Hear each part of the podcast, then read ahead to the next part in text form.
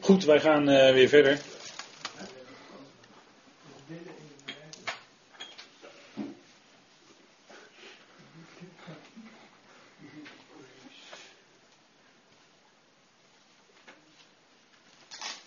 We gaan verder met onze studie vanavond van uh, Galaten 4. En we waren gebleven in 2 Korinthe 12 en we zijn erg bezig met de zwakheid van Paulus, hè, de zwakheid van het menselijke vlees. En daar tegen die achtergrond komt juist die geweldige kracht van God zo sterk naar voren. En dan gaan we verder met Galaten 4, vers 14. De Galaten die accepteerden namelijk Paulus. En wat, wat Paulus veel belangrijker vindt, zijn boodschap. Maar daarmee accepteerden ze ook de boodschapper. En dat zegt hij in vers 14. En dan kijkt hij dus terug hoe het geweest was. En jullie aanvechting in mijn vlees kleineerden jullie niet, nog spuwden jullie die uit. Kijk, wat betekent dat nu? Jullie aanvechting in mijn vlees. Nou, Paulus die zegt dat hij in zijn vlees was die zwak. Dus als mens was hij zwak. Hij moest steeds op de vlucht. Hij was geen beste spreker op zich. Maar de boodschap die hij had, dat was alles. En daarom accepteerde die Galaten hem volledig. Ondanks dat er een aanvechting was van, ja, het was maar een zwak mannetje. En zijn voorkomen was misschien niet zo sterk, maar het woord wat hij sprak wel. En dan zegt hij, nou, jullie kleineerden dat niet, om die reden, jullie kleineerden mij niet. Ik was een zwak mens, ben een zwak mens, maar jullie kleineren mij niet en jullie spuwen mij ook niet uit. Maar waar Paulus vervolgd werd, was door mensen die opgehitst waren door de Joden. Dat hebben we drie keer gezien in handelingen. En daarvoor moest hij dan op de vlucht. En hij werd zelfs uiteindelijk gestenigd in Lystra. En ze lieten hem voor dood liggen. Maar hij was niet dood. Maar God ging verder met hem. Want God had nog verdere plannen met zijn leven.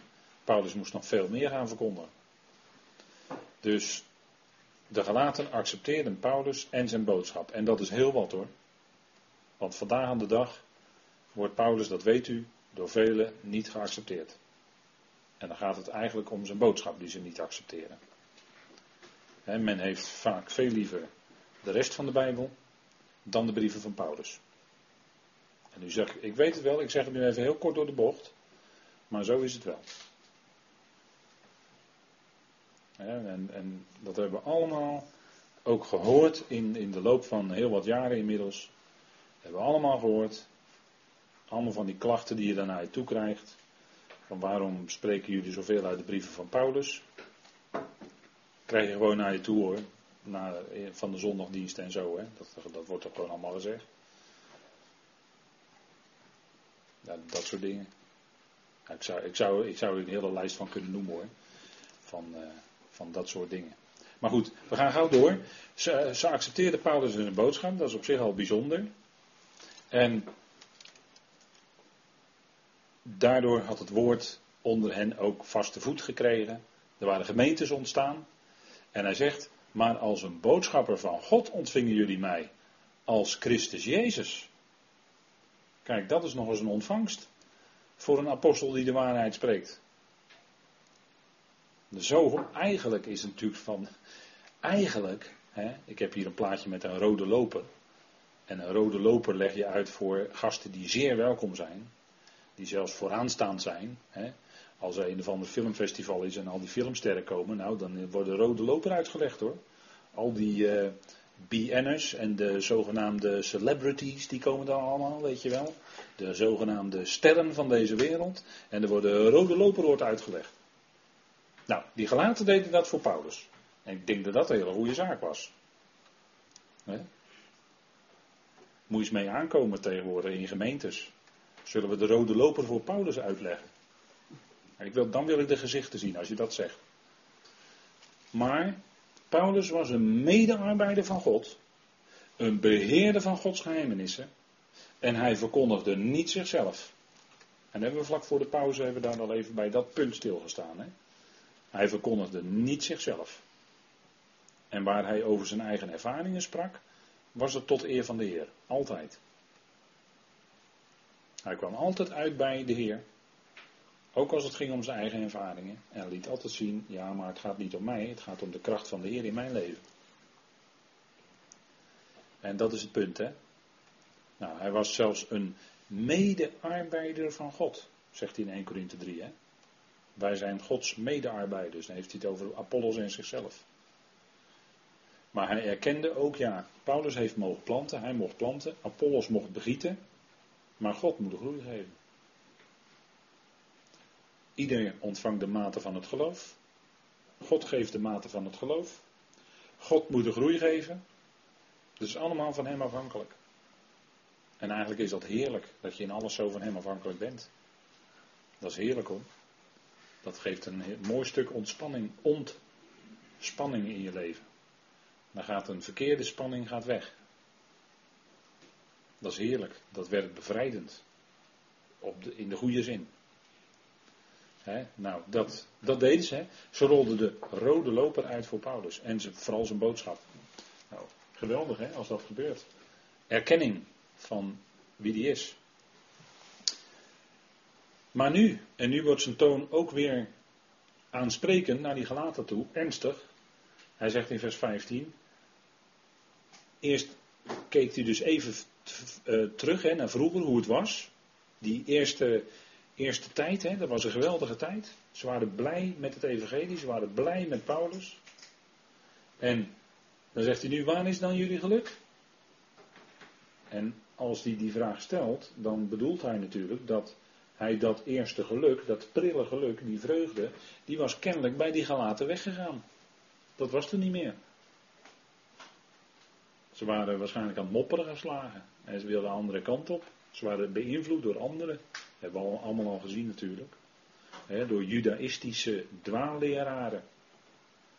Die kwamen met de wet van Mozes en de besnijdenis en, en alles. Dagen, maanden, vaste tijden houden jullie, zegt Paulus. Vers 10, hè. Jullie houden dagen, maanden, vaste tijden en jaren. Ik vrees dat ik me te vergeefs voor jullie heb ingespannen, zegt hij. En, en met dat houden van al die dingen, zegt Paulus ook, waar is jullie geluk? Waren ze daar nou gelukkig van geworden? Nou, kennelijk niet, want anders zou Paulus dat niet hoeven vragen. En dan gaat hij nog even terug van hoe het in het begin was. Want ik getuig van jullie dat jullie indien mogelijk je ogen uitgetrokken en mij gegeven hadden. Nota bene. En kennelijk had Paulus een of andere ogenkwaal. Dat wordt altijd hieruit geconcludeerd. Dat zou kunnen inderdaad. Misschien door die steniging wel. Dat, dat ook zijn, die stenen ook letterlijk zijn ogen geraakt hebben. Dat zou kunnen. Maar bij wijze van spreken hadden ze hun ogen willen geven aan Paulus. Als dat had gekund, hè, operatief. Opdat hij goed kon zien en die schriften goed kon lezen en kon spreken. Zo, hè. Zo droegen ze hem in de goede zin op handen. Het gaat er niet om dat, dat, dat een mens op handen gedragen moet worden, daar gaat het niet om. Maar het gaat erom dat die, die boodschap, daar waren ze zo geweldig blij mee. Nou, en wat was nou hun geluk? In het begin, hè? Hoe was het nou begonnen? En, en wat kun je hieruit leren voor jezelf? Nou, dat werkelijk geluk, werkelijk geluk, vind je alleen in de genade van God. Niet in als jij het zelf allemaal gaat proberen hoor, om die wet te houden enzovoort. Dat, dat, gaat, dat gaat het niet worden. Dat gaat niet lukken. Werkelijk geluk is alleen in de wandel in geloof. Paulus zegt ook, wij wandelen in geloof, niet in aanschouwen. 2 Korinthe 5 vers 7. Ik ken die tekst wel. Wij wandelen in geloof. Dus wij wandelen niet in de werken van de wet. Even, even dan tussen haakjes erbij vermelden. Hè? En alleen werkelijk ten diepste het geluk is in het Paulinische evangelie. In het evangelie zoals Paulus dat bracht, mocht brengen van de verheerlijkte Heer. Dat is namelijk het evangelie van de heerlijkheid van de gelukkige God. En ik wil u het bonnetje er wel bij geven. 1 Timotheus 1, vers 11 en 12 is dat. Hè? Daar zegt Paulus dat letterlijk zo. Het evangelie van de heerlijkheid van de gelukkige God. En dat staat daar in dat stukje trouwens, in 1 Timotheus 1, tegenover leraren van de wet. Leest u het maar na. 1 Timotheus 1, vers 4, 5 en 6 gaat Paulus in tegen die leraren van de wet, waarover zij zo stellig spreken enzovoort. En dan zet hij tegenover het evangelie wat hij bracht, het evangelie van de heerlijkheid van de gelukkige God. En weet u, als de heerlijkheid van God naar voren komt, wat klinkt er dan? Genade. Want dat komt rechtstreeks uit de liefde van God.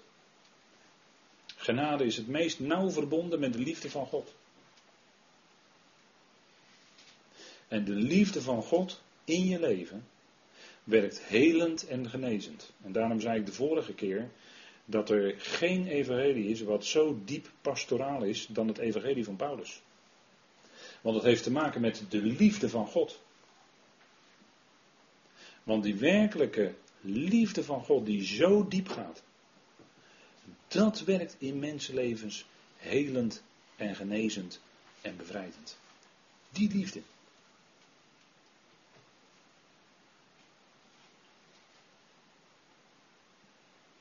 En die liefde is niet dat u in uw ziel gestreeld wordt. Ik hoop dat u begrijpt wat ik nu bedoel. Die liefde is niet dat u in uw ziel gestreeld wordt. Want dat kan op allerlei, alle mogelijke manieren, dat je in je ziel geaaid wordt. Maar die liefde is datgene wat in ons hart werkt, in onze geest. Van binnenuit. Die liefde van God. Die werkt genezend. Dat is werkelijk, werkelijk diep, diepgaand in de mens. Dieper kan het niet. En daarom staat juist in het evangelie wat Paulus bracht, komt zo enorm die liefde van God naar voren. Niet, niet in het besnijdenis-evangelie, hoewel Johannes best wel spreekt over de liefde van God in 1 Johannes 4. Maar in het evangelie van Paulus komt de diepte van liefde van God pas ten volle tot uitdrukking. En blijkt het de hele schepping te omvatten. En blijkt het iedereen te bereiken. dat, is, dat is geweldige evangelie van de heerlijkheid van de gelukkige God. Nou, dat, dat, is, wat, dat is wat werkelijk geluk in een mensenleven brengt.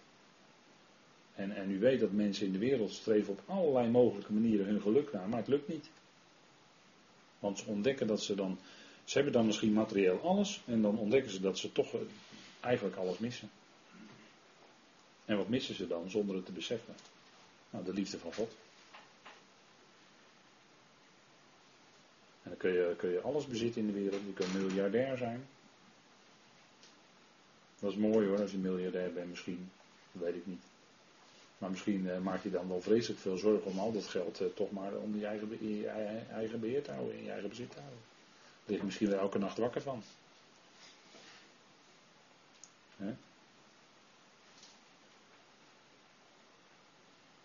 Iemand die zei, er was trouwens een Jood die dat zei, Abkaranza zei dat. Er, was ook, ook wel een rijk mens, Abkaranza. Dus iemand die leefde, denk ik, uh, 30, 40 jaar terug, was die heel rijk. En die zei, ja, als je veel geld hebt, dat is mooi. Maar uh, je wordt er wel heel erg onrustig van. Met andere woorden, je, het kost je wel heel veel zorgen en, en, verdriet. Dus kan je relativeren. Maar werkelijk geluk ligt alleen in deze dingen natuurlijk. In de liefde van God, het evangelie van de heerlijkheid. En Paulus die hij was daar zodanig, ze waren in het begin zodanig, gingen ze met elkaar om dat ze bij wijze van spreken hun eigen ogen hadden willen uittrekken en aan Paulus hadden willen geven. Die kennelijk aan zijn ogen beschadigd was. En waar is dat de vrucht van? Dat ze dat wilden. dat ze zo in die lijn stonden. Wat, wat, denkt u, waar is dat nou een vrucht van? De vrucht van de geest, ja. dat is makkelijk, hè? dat was een inkoppertje. Kijk, was dat nou de vrucht van de werken van de wet onder hen? Nee, want Paulus moet constateren dat ze juist daardoor dat geluk kwijt waren geraakt. Ze voelden zich niet meer gelukkig, ze waren niet meer gelukkig. Omdat ze aan de slag gingen vanuit hun eigen vlees. Ja, daar word je niet gelukkig van hoor. Maar het was vrucht van de geest. die waaide als een heilzame wind in hun leven. Dat is vrucht van de geest. En, en de eerste vrucht, daar heb ik het nou net even over gehad, is liefde. Gods liefde, agape. Dat is de vrucht van de geest. En daar zit eigenlijk alles in. er worden dan negen facetten genoemd. En het eerste is liefde. Maar in die liefde zitten eigenlijk ook al die andere, andere acht die dan nog genoemd worden. Dat zit allemaal in die liefde. Nou, dat is mooi als, er, zo'n vrucht in je leven groeit. En dat kan jij zelf niet werken. Dat kan jij zelf niet tot stand brengen. liefde. Ga maar heel erg proberen lief te hebben. Nou, het lukt je niet hoor, breek bij je handen af.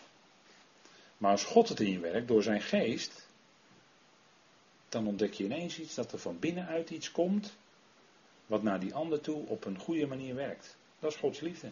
Dat kun jij niet zelf. Maar dan werkt Hij door jou heen. Dat, dat is het geheim, hè, zou ik willen zeggen. Kijk, waar ik het aan het begin van de avond over had. Die geestelijke processen, hoe dat dan werkt hè, in de praktijk. Hè, Paulus die werd steeds achterna gezeten. Nou, hij zegt in vers 16 dan ook tegen die gelaten, moet hij constateren, is het zo dat ik jullie vijand geworden ben? Door waar tegen jullie te zijn? Kijk, die gelaten waren teruggebracht onder de wet. En Paulus bleef gewoon bij dat evangelie natuurlijk, wat hij verkondigde. Hij bleef bij de genade staan. En hij hield hun die genade ook voor. Dat bleef hij doen. Ondanks alles wat er gesproken en beweerd werd. Want Paulus wist, en dat hadden die gelaten eigenlijk ook uit eigen ervaring wel leren kennen, dat de waarheid vrij maakt. En dat we zeggen, kijk, die waarheid maakt vrij, wat wil dat dan zeggen? Dat onjuiste gedachten worden weerlegd. Onjuiste gedachten, die worden dan weerlegd hè, door de waarheid. En je wandel, je levenswandel, wordt gecorrigeerd door de waarheid. Dat is, dat is ook, het is een enorme toetsteen hoor. Kijk, die waarheid, namelijk de genade van God en de liefde van God, die maakt vrij. En wat gaat het vrome vlees dan doen? Want dat is altijd de reactie die je kan verwachten als je de genade gaat prediken, als je de waarheid gaat zeggen. Dan gaat het vrome vlees keihard terugslaan. Paulus werd gestenigd. Ik heb het hieronder gezet. Hè. De Heer werd gekruisigd. Ik, neem aan dat u die geschiedenis inmiddels heel goed kent. Hè, want elk jaar vieren we Pasen en dan lezen we weer de Evangelie. Weet u wel. Die hoofdstukken lezen we dan. Hoop ik dat u dat doet. Maar ik hoop dat u de rest van het jaar er ook wel eens mee bezig bent. want u wilt, toch, u wilt toch alles weten van uw Heer, of niet? U wilt toch alles weten? U wilt toch alle omstandigheden weten waaronder hij gekruisigd werd, wat er allemaal precies gebeurde. U, u houdt toch van uw Heer, dan wil u dat toch in detail weten. Toch? Dus dan lees je toch wel eens vaker ook de evangelie, wat er allemaal rondom dat kruis gebeurde. Het meest ingrijpende in de wereldgeschiedenis van de mensheid. Dat wil je dan toch allemaal weten? Nou, de Heer werd gekruisigd. Door wiens toedoen? Nou, dat hoef ik niet te vragen nu, dat weet u wel. Hè? Stefanus gestenigd. Door wiens toedoen was dat? Paulus gestenigd, hebben we vanavond gelezen in Lystra. Wie zaten daarachter? Of wat zat daarachter? Hè? Want ik heb het hier over vroom vlees. Dat slaat keihard terug. Weet u, in religieus opzicht zijn hele vrome mensen, die zijn vaak het hardst. Ja, ik hoorde hier een broeder ja zeggen, als bevestiging, maar dat is zo. Dat is zo. Juist hele vrome mensen, die zijn vaak kei en keihard. Dat is, dat is wat we ook in de Bijbel zien. Hè? En de tegenwerker, die, die, die speelt daar natuurlijk op in. Die speelt daarop in. En die gebruikt die vrome mensen om keihard te slaan. Is het niet letterlijk, dus de letterlijke stenen, dan is het wel geestelijk. Dan krijg je dus de geestelijke stenen naar je hoofd. Maar dat kun je verwachten als je de waarheid spreekt. Als je de waarheid naar voren brengt, dan kun je dat verwachten. Lijden dus. Lijden met de lange ei. En dat is, dat, is niet, dat is niet wat wij zoeken als mens, dat wil je niet, maar het overkomt je wel. Het lijden overkwam Paulus. Als je dient in het evangelie, op welke manier dan ook, dan zal ook lijden een keer je deel zijn, omdat je de Heer dient. Dat lijden bedoel ik dan. En natuurlijk is ook lichamelijk lijden, door ziektes enzovoort, dat lijden is er ook. Maar ik bedoel nu het geestelijke lijden, wat ook in je ziel behoorlijk kan toeslaan. Lijden met het evangelie. Zegt Paulus toch tegen Timotheus, leid kwaad met het evangelie. Doe je werk als evangelist. Leid kwaad met het evangelie, zegt Paulus tegen Timotheus. Dat is wat je kan verwachten. Dat je kwaad leidt. Dat je belasterd wordt. Of dat er dingen gezegd worden die uh, niet, niet uh, nooit zo gezegd zijn. Hè? Wat, wat, wat laatst gezegd wordt was dat, dat, uh, dat, dat er altijd gezegd wordt, dat er altijd gezegd wordt, dat de Heer aan het kruis alles al heeft gedaan en dat wij niets meer hoeven te doen. Dat is laster.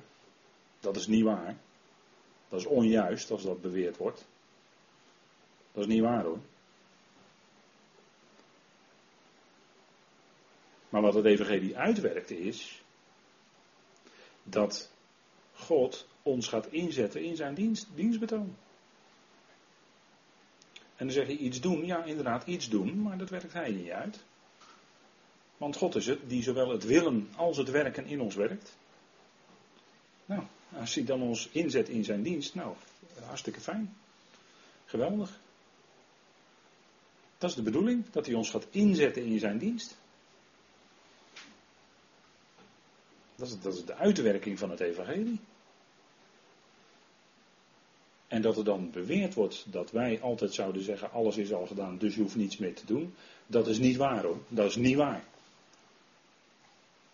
Dat wijs ik heel veel van de hand, want dat, dat is niet zo. En zo is er ook nooit gepredikt. Kom nou. Maar dat zijn dingen die, dus, die je dus kan verwachten. He?